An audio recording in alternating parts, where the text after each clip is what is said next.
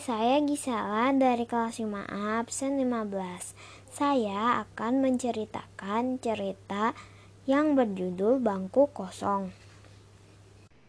Menceritakan tentang tiga orang sahabat yang bernama Mutiara, Kosi, dan Nuna yang akan menyelidiki kelas sebelah yaitu kelas 5C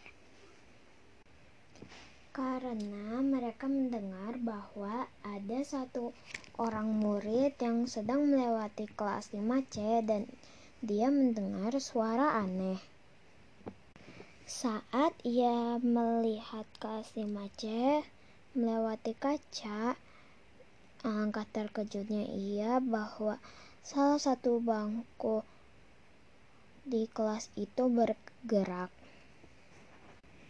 Dari situlah Mutiara, Kosi, dan Nuna mau menyelidiki misteri tersebut.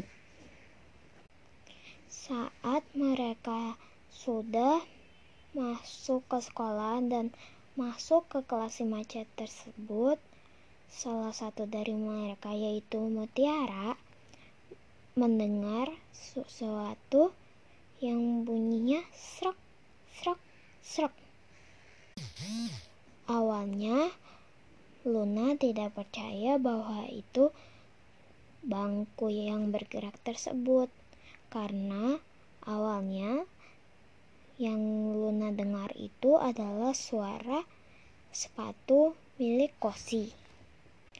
Namun, saat mereka melihat sekeliling, mereka melihat salah satu bangku tersebut bergerak. Mereka sangat ketakutan dan mereka lari dan pergi pulang ke rumah masing-masing. Di akhir cerita, memperlihatkan ternyata bangku itu tidak kosong, tapi hanya digerakkan oleh seekor kucing berwarna abu-abu. Sekian cerita dari saya. Terima kasih.